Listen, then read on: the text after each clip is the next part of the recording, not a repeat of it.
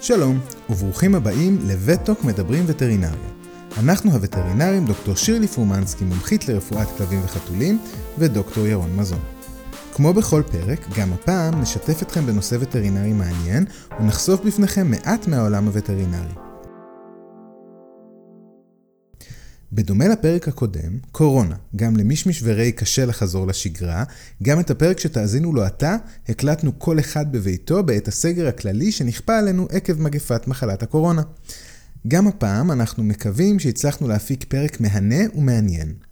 והיום נדבר על שאלת מיליון הדולר. מדוע כלבים אוכלים דשא? אה, אז היום אנחנו הולכים לדבר על אחת השאלות שהיא אולי מבין הכי נשאלות ברפואה וטרינרית, והיא מדוע כלבים אוכלים דשא. ויש לנו המון עובדות ונתונים מעניינים במיוחד לגבי הנושא הזה של אכילת דשא. ירון, אנחנו תמיד אומרים שאנחנו מספרים על דברים אמיתיים שקורים לנו במסגרת העבודה הווטרינרית שלנו, אז באמת יצא ככה שבשבוע האחרון נדרשתי לא רק לענות ללקוחות בעניין הזה, אלא אפילו לכתוב עליו במסגרת איזה פרויקט מעניין שאני מעורבת בו, שכמובן עוסק בשיפור חייהם של כלבים, אה, או מה שנקרא well-being. אני לא יכולה להרחיב עליו כרגע, אבל ברגע שאוכל זה יהיה סופר מעניין גם. אז כמו שאמרתי, המון בעלי כלבים אה, מתלוננים או מדווחים כי הכלב שלהם אוכל דשא ושואלים אם המצב הזה הוא תקין. אה, כמה המון? יש לנו ממש מספרים. יצא מחקר שהראה שקרוב ל-80% מבעלי כלבים בריאים שהם מושגחים ומטופלים מדווחים על התופעה הזו של אכילת דשא או צמחים. וואו, שמונה מתוך עשרה בעלי כלבים זה באמת המון. אה, כן, זה בהחלט נתון מרשים, ועוד יותר מרשים אה, בעיניי, שלא נעשו בכלל הרבה עבודות מחקריות, למרות שהתופעה הזו היא כל כך נפוצה. באחת העבודות הבודדות שכן נעשו, נראה היה כי 68% מבעלי הכלבים דיווחו על אכילת צמחים על בסיס יומי, לא מדי פעם, אלא ממש יומיומי, שזה משהו בעצם כמו חטיף עבורם. שאר הכלבים אה, אכלו דשא על בסיס של פעם בחודש או מעט פחות, אבל זו פחות או יותר הייתה תדירות. אה, מרביתם של הכלבים, למי שאוהב ספרות, בין המאזינים שלנו, 79% מהכלבים, מאלה שאוכלים דשא, מעדיפים דווקא אכילת דשא על פני אכילת צמחים אחרים, וזה גם מעניין. ומתוך אותה אוכלוסיית הכלבים שאוכלת דשא, תנחש כמה הראו סימני מחלה? לא תנחש.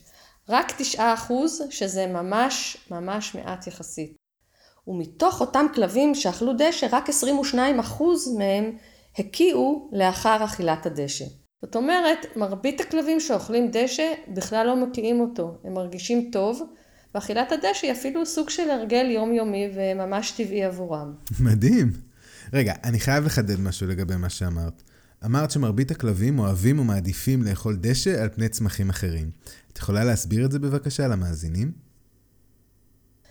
אה, זו פשוט עובדה. בעלי חיים רבים אוכלים צמחים, עיזים או עז הבית המתורבתת לדוגמה, אוכלת שיחים ופירות עצים, וזו עוד דוגמה מתוך דוגמאות רבות אחרות אה, של שיתוף פעולה בין בעלי חיים וצמחים. עז הבית מסייעת בהפצתם של אותם עצים שמהפירות שלהם היא נהנית. פר, פרות מלחכות באח וצמחייה נמוכה. וכך גם כלבים, הם אוכלים חומרים צמחיים ומתעקשים על אכילת דשא, וכמו שאמרנו, מרביתם כלבים בריאים ומרביתם אינם מקיאים. אולי בכלל צריך לבצע מבחן תאימות של זני דשא שונים בכלבים. תגידי, שירלי, האם יש איזושהי נטייה לכלבים מסוימים לאכול דשא, לגזעים? אולי זה בכלל עניין של גיל או מין? בוא נחלק את התשובה לשאלות שלך לשניים. אז זהו, שלא נראה שיש איזה קשר מובהק בין אכילת דשא ובין גזע, מין או אפילו סטטוס של כלבה מעוקרת לעומת כלבה לא מעוקרת, או לחילופין זכר מסורס או לא מסורס. אפילו לא הוכח קשר בין סוג המזון שהכלבים אוכלים ובין תדירות אכילת הדשא או עדיפות לאכילת דשא מזן מסוים. הממצא היחיד המשמעותי והמובהק היה כי ביחס לכלבים מבוגרים יותר, כלבים בגילים צעירים יותר אוכלים צמחים בתדירות גבוהה יותר, והם גם אוכלים בכמות גדולה יותר. והם פחות מראים סימנים של חולי לפני שהם אוכלים צמחים, וגם פחות מקיאים את הדשא אחרי אכילתו. אז כל הממצאים האלה ביחד תומכים במסקנה שאכילת צמחים היא התנהגות נורמלית לחלוטין בכלבים. אני חייב לחזור מעט אחורה ולחדד גם את הנקודה הזו. כי הרי את יודעת שהתלונה של בעלי הכלבים, הלקוחות שלנו, לגבי אכילת הדשא, כמעט תמיד היא בהקשר של כלב או כלבה שלא מרגישים טוב. והבעלים שמו לב שהם אוכלים דשא, ולפעמים גם מקיאים אותו, ואז הם מגיעים אלינו מאוד מודאגים. למעשה, מה שאת אומרת לי, זה שהעניין הזה של אכילת דשא וצמחים, יותר נוגע לתחום של רפואה התנהגותית בכלבים, מאשר לבעיה פיזיולוגית. נכון מאוד, ובאמת גם מפתיע. כל התחום של התנהגות בכלבים היה מוזנח, אם אפשר להשתמש במילה הזו, במשך באמת הרבה מאוד שנים, ובאופן מסורתי, היה נהוג להגיד או לחשוב כי אכילת דשא, ובוא נגיד דשא, כי כמו שאמרנו זה הצמח העיקרי שהם אוהבים, ועליו גם מרבית תלונות הבעלים, כמו שציינת. אז נהוג היה לחשוב שאכילת דשא היא סימן לחולי, או שדשא לכשעצמו גורם להשראת הכאה בכלבים מובחלים עם בחילות. היו גם השערות שהעריכו שאכילת דשא היא פשוט סימן לאיזה חסר באיזשהו מרכיב תזונתי. שירלי, מה שאמרת עכשיו מזכיר לי שאלה דומה, שעד היום אנחנו עוד שומעים אותה לפעמים. האם כלב שמלקק סיד או מלקק את הקירות הוא סימן שחסר לו סידן בתזונה? ואנחנו יודעים שלא רק שהמיתוס הזה לא נכון, אלא שאם הבעלים מוסיפים סידן על דעת עצמם, בסופו של דבר ההוספה הזו כשלעצמה היא זו שתביא לאובדן סידן בגלל המנגנון המורכב של איזון סידן בגוף, שכמובן לא ניכנס אליו. נכון, מסכימה, לגמרי. וגם לענייננו, זה, לעניין הדשא, זה עוד מיתוס לא מבוסס, שההקשה הזו ממעט כלבים עם תחלואה שאוכלים דשא ועוד מקצתם מאלה מקיאים, הביאה לאיזו הכללה או הקשה מוטעית מהפרט הבודד אל הכלל. מין סוג של כשל לוגי. אה, אז ככל הנראה אף אחת מההשערות המסורתיות האלה לגבי למה כלבים אוכלים דשא לא ממש נכונה או לפחות לא מציגה את מכלול הגורמים. והאמת היא שאין הסכמה או אין תשובה או תשובות לשאלה הזו ואין הוכחה מדעית מובהקת.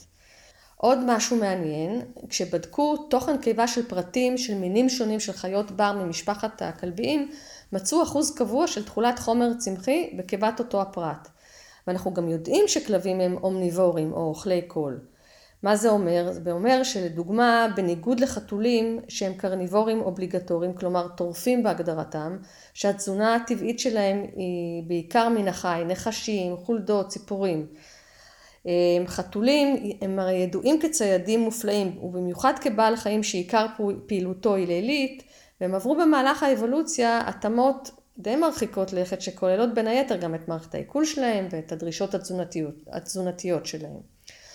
אז יחסית לחתולים, או לעומתם, כלבים ניזונים מראשית ההיסטוריה שלהם על תזונה רחבה יותר, המבוססת גם על מרכיבים מהחי וגם על מרכיבים מהצומח, אז זה כנראה רק טבעי שהם אוכלים חומר צמחי. אז בעצם אין מה להתרגש מאכילת דשא בכלבים שאין להם סימנים קליניים. אה, נכון. אם הכלב שלי היה אוכל דשא, לא הייתי מתרגשת מעצם אכילת הדשא עצמו. אה, ולפעמים אה, קשה לי שלא לשייך הכאה של דשא בכלב שמרגיש מצוין ולא אכל כמות בלתי סבירה קיצונית, שאולי הוא בכלל מקיא את הדשא בגלל חומרי הריסוס שהיו על הדשא, ולא בגלל הדשא עצמו. וזה מוביל אותי לסכנות שכרוכות בכל מה שמסביב לדשא. אה, וזה אני מתכוונת לסביבה הקרובה והמיידית. אז הזכרתי ריסוס, חומרי ריסוס והדברה של צמחים ודשא הם חומרים לא ידידותיים לבעלי חיים וגם לא לנו, ואותם חומרי ריסוס והדברה שעושים בהם שימוש גורמים לא פעם להרעלות של ממש, אבל הם גם יכולים לגרום לסימנים קלים יותר, בעיקר אם הכלב אכל כמות קטנה של דשא, או אם בכלל עבר כבר איזשהו פרק זמן ארוך מספיק מאז שהדשא רוסס, אה, וזו בהחלט יכולה להיות סיבה טובה לכשעצמה להקאה של דשא. אה, לפעמים אני אפילו מבקשת מהבעלים לשנות מסלול ולראות אם זה פותר את הבעיה באותם כלבים בריאים שלא מראים סימנים קליניים, שמקיאים בתדירות גבוהה יחסית. אה, ואני חייבת להגיד שיש לנו לא מעט הצלחות בגישה הזו. סכנה נוספת אה, שכרוכה באכילת דשא, שוב, לא מהדשא עצמו באופן ישיר, היא נוגעת בעיקר לגורי כלבים שלא מחוסנים באופן מלא במסגרת סדרת חיסוני הגורים שלהם, או לכלבים בוגרים שלא מחוסנים באופן סדיר. ההמלצה הגורפת שאנחנו נותנים לבעלים של גור כלבים, שעדיין לא השלים את סדרת חיסוני הגורים, היא שכשהם יוצאים איתו לטיול או מוליכים אותו לעשיית צרכים, שחשוב לטייל וללכת רק על המדרכה. היות ובצורה הזו קל יותר לראות את סימני השיטון של כלבים אחרים, ועל ידי כך אנחנו מונעים מהגור לבוא במגע או לרחרח את השתן של כלב אחר, שאנחנו לא יודעים אם הוא חולה או מחוסן באופן מלא, ואנחנו חוששים מהעברת מחלות והפצתן באופן הזה. אה, ואותו הדבר לגבי צואת כלבים. אם כי הייתי רוצה לקוות שמרבית בעלי הכלבים אוספים את הצואה של כלביהם, אבל עובדה שזה לא תמיד קורה לצערי. אבל באמת בדשא קשה מאוד לעקוב אחר מקומות בהם כלבים הטילו שתן או העבירו צואה, ששניהם מהווים מקור להפצת מחלות. אה, ושוב, בעיקר בגורים לא מחוסנים, אה, שבנוסף לזה שהם לא מחוסנים, גם מערכת החיסון שלהם לא בוגרת עדיין, לא מפותחת כמו של כלב בוגר, ו... ולכן אינה מספקת הגנה כמו זו שקיימת בכלב בוגר, ועל אחת כמה וכמה, וכמה אם הוא מחוסן באופן סדיר. אה, כמובן, לא נשכח גם תולעים שונות, עלולות לעבור דרך מגע עם צואה של כלב אחר אם הוא סובל מנגיעות בתולעים, וזה נכון לכל הכלבים, גם הצעירים, גם הבוגרים, גם המחוסנים וכולי. אה, והנקודה האחרונה, לפחות לפודקאסט זה, אה, שאני רוצה לגעת בה לגבי הסכנות הכרוכות בסביבה המיידית של הדשא, היא תולעת הפארק. אנחנו כמובן שלא נרחיב ממש על תולעת הפארק בפרק הזה, כי התולעת הזו בהחלט מצדיקה פרק שלם בפני עצמו. אולי אפילו שניים. כן, צודק לגמרי. אה, אז תולעת הפארק, או בשמה ספירוציר קלופי, איזה שם, אה, היא ממש מגפה עולמית, ואני לא רוצה להשוות אותה לווירוס הקורונה החדש או למגפה שהוא גרם, אבל תולעת הפארק היא בהחלט סוג של מגפה, ומדובר בתולעת קטלנית ממש ממש לכלבים, שגורמת לתחלואה קשה וגם לתמותה. אני בטוחה שאין בעל כלב שלא שמע עליה. התולעת הזו גורמת אה, לסימנים קליניים רחבים, שוב, כתלות במקום בו היא מתיישבת, אנחנו נתקלים בסימנים כמו פליטות, הקאות, קשיי בליעה, כל אלה נגרמים על ידי אה, יצירת גידולים שפירים המכונים אה, גרנולומות בוושת, שעלולים לעבור התמרה ושינוי לאורך הזמן ולהפוך ממש לגידולים אמירים. אה, אנחנו גם רואים כלבים שנגועים בתולעת הפארק שמגיעים עם חולשה ושיתוק של גפיים אחוריות ואפילו מוות פתאומי כתוצאה ממפרצת באב ארוכים. דרך ההדבקה העיקרית בתולעת הפארק היא באמצעות כלב שאוכל חיפושית זבל שכיחה או תמימה למראה, שנגועה בזחלים של תולעת הפארק. ובגלל הנפיצות הגבוהה של החיפושית השחורה הזו, הכלב חשוף אליהם כמעט בכל מקום, זה יכול להיות בגינות ציבוריות, יכול להיות בפארקים, ואפילו בחצר הבית. והדשא הוא סביבת המחיה הטבעית של החיפושית, ובנוסף היא גם יודעת להסתתר שם טוב מאוד, ויש סכנה רבה באכילת חיפושית זבל שנגועה בתולעת הפארק בזמן שהכלב אוכל דשא. לא אעבור בהרחבה על מחזור החיים של תולעת הפארק, אבל אני רק אציין כי לאחר האכילה של חיפושית זבל הנגועה בזחלים אה, של התולעת על ידי הכלב, אותם הזחלים של תולעת הפארק שנמצאים בתוך החיפושית פשוט משתחררים ממנה בקיבת הכלב, ודרך דופן הקיבה הם חודרים ומפלסים דרכם ונודדים לאב העורקים ולוושת, ושם הזחלים האלה הופכים לתולעים בוגרות, שגורמות נזק לרקמות האלה. אותן התולעים הבוגרות הן מאוד מתוחכמות אם חושבים על זה והן חודרות גם לקנה הנשימה, לעמוד השדרה וגורמות גם שם לנזקים שלפעמים הם ממש בלתי הפיכים. התולעים משלימות מחזור חיים בתוך הכלב ומטילות ביצים מיקרוסקופיות אותן מעביר הכלב בצואה שלו. חיפושיות זבל כשמן כן הן והן ניזונות מזבל אורגני כמו צואת כלבים ובצורה הזו בעצם הביצים של תולעת הפארק נאכלות על ידי החיפושיות. הביצים האלה מתפתחות לזחלים בתוך גוף החיפושית, ובצורה הזו כלב נוסף שיטייל עם בעליו ויאכל את אותה חיפושית נגועה ידבק בתולעת הפארק, וכמובן כך חוזר חלילה מעגל ההדבקה. חשוב לי לציין כי קיימים מספר טיפולים מניעתיים לתולעת הפארק, אה, כדי למנוע את ה... את כל הסימנים הקליניים האלה, וקיים גם טיפול שאנחנו מבצעים גם לאחר הדבקה בתולעת, שיעילותו גבוהה, בעיקר בשלבים המוקדמים של הנגיעות בתולעת הפארק.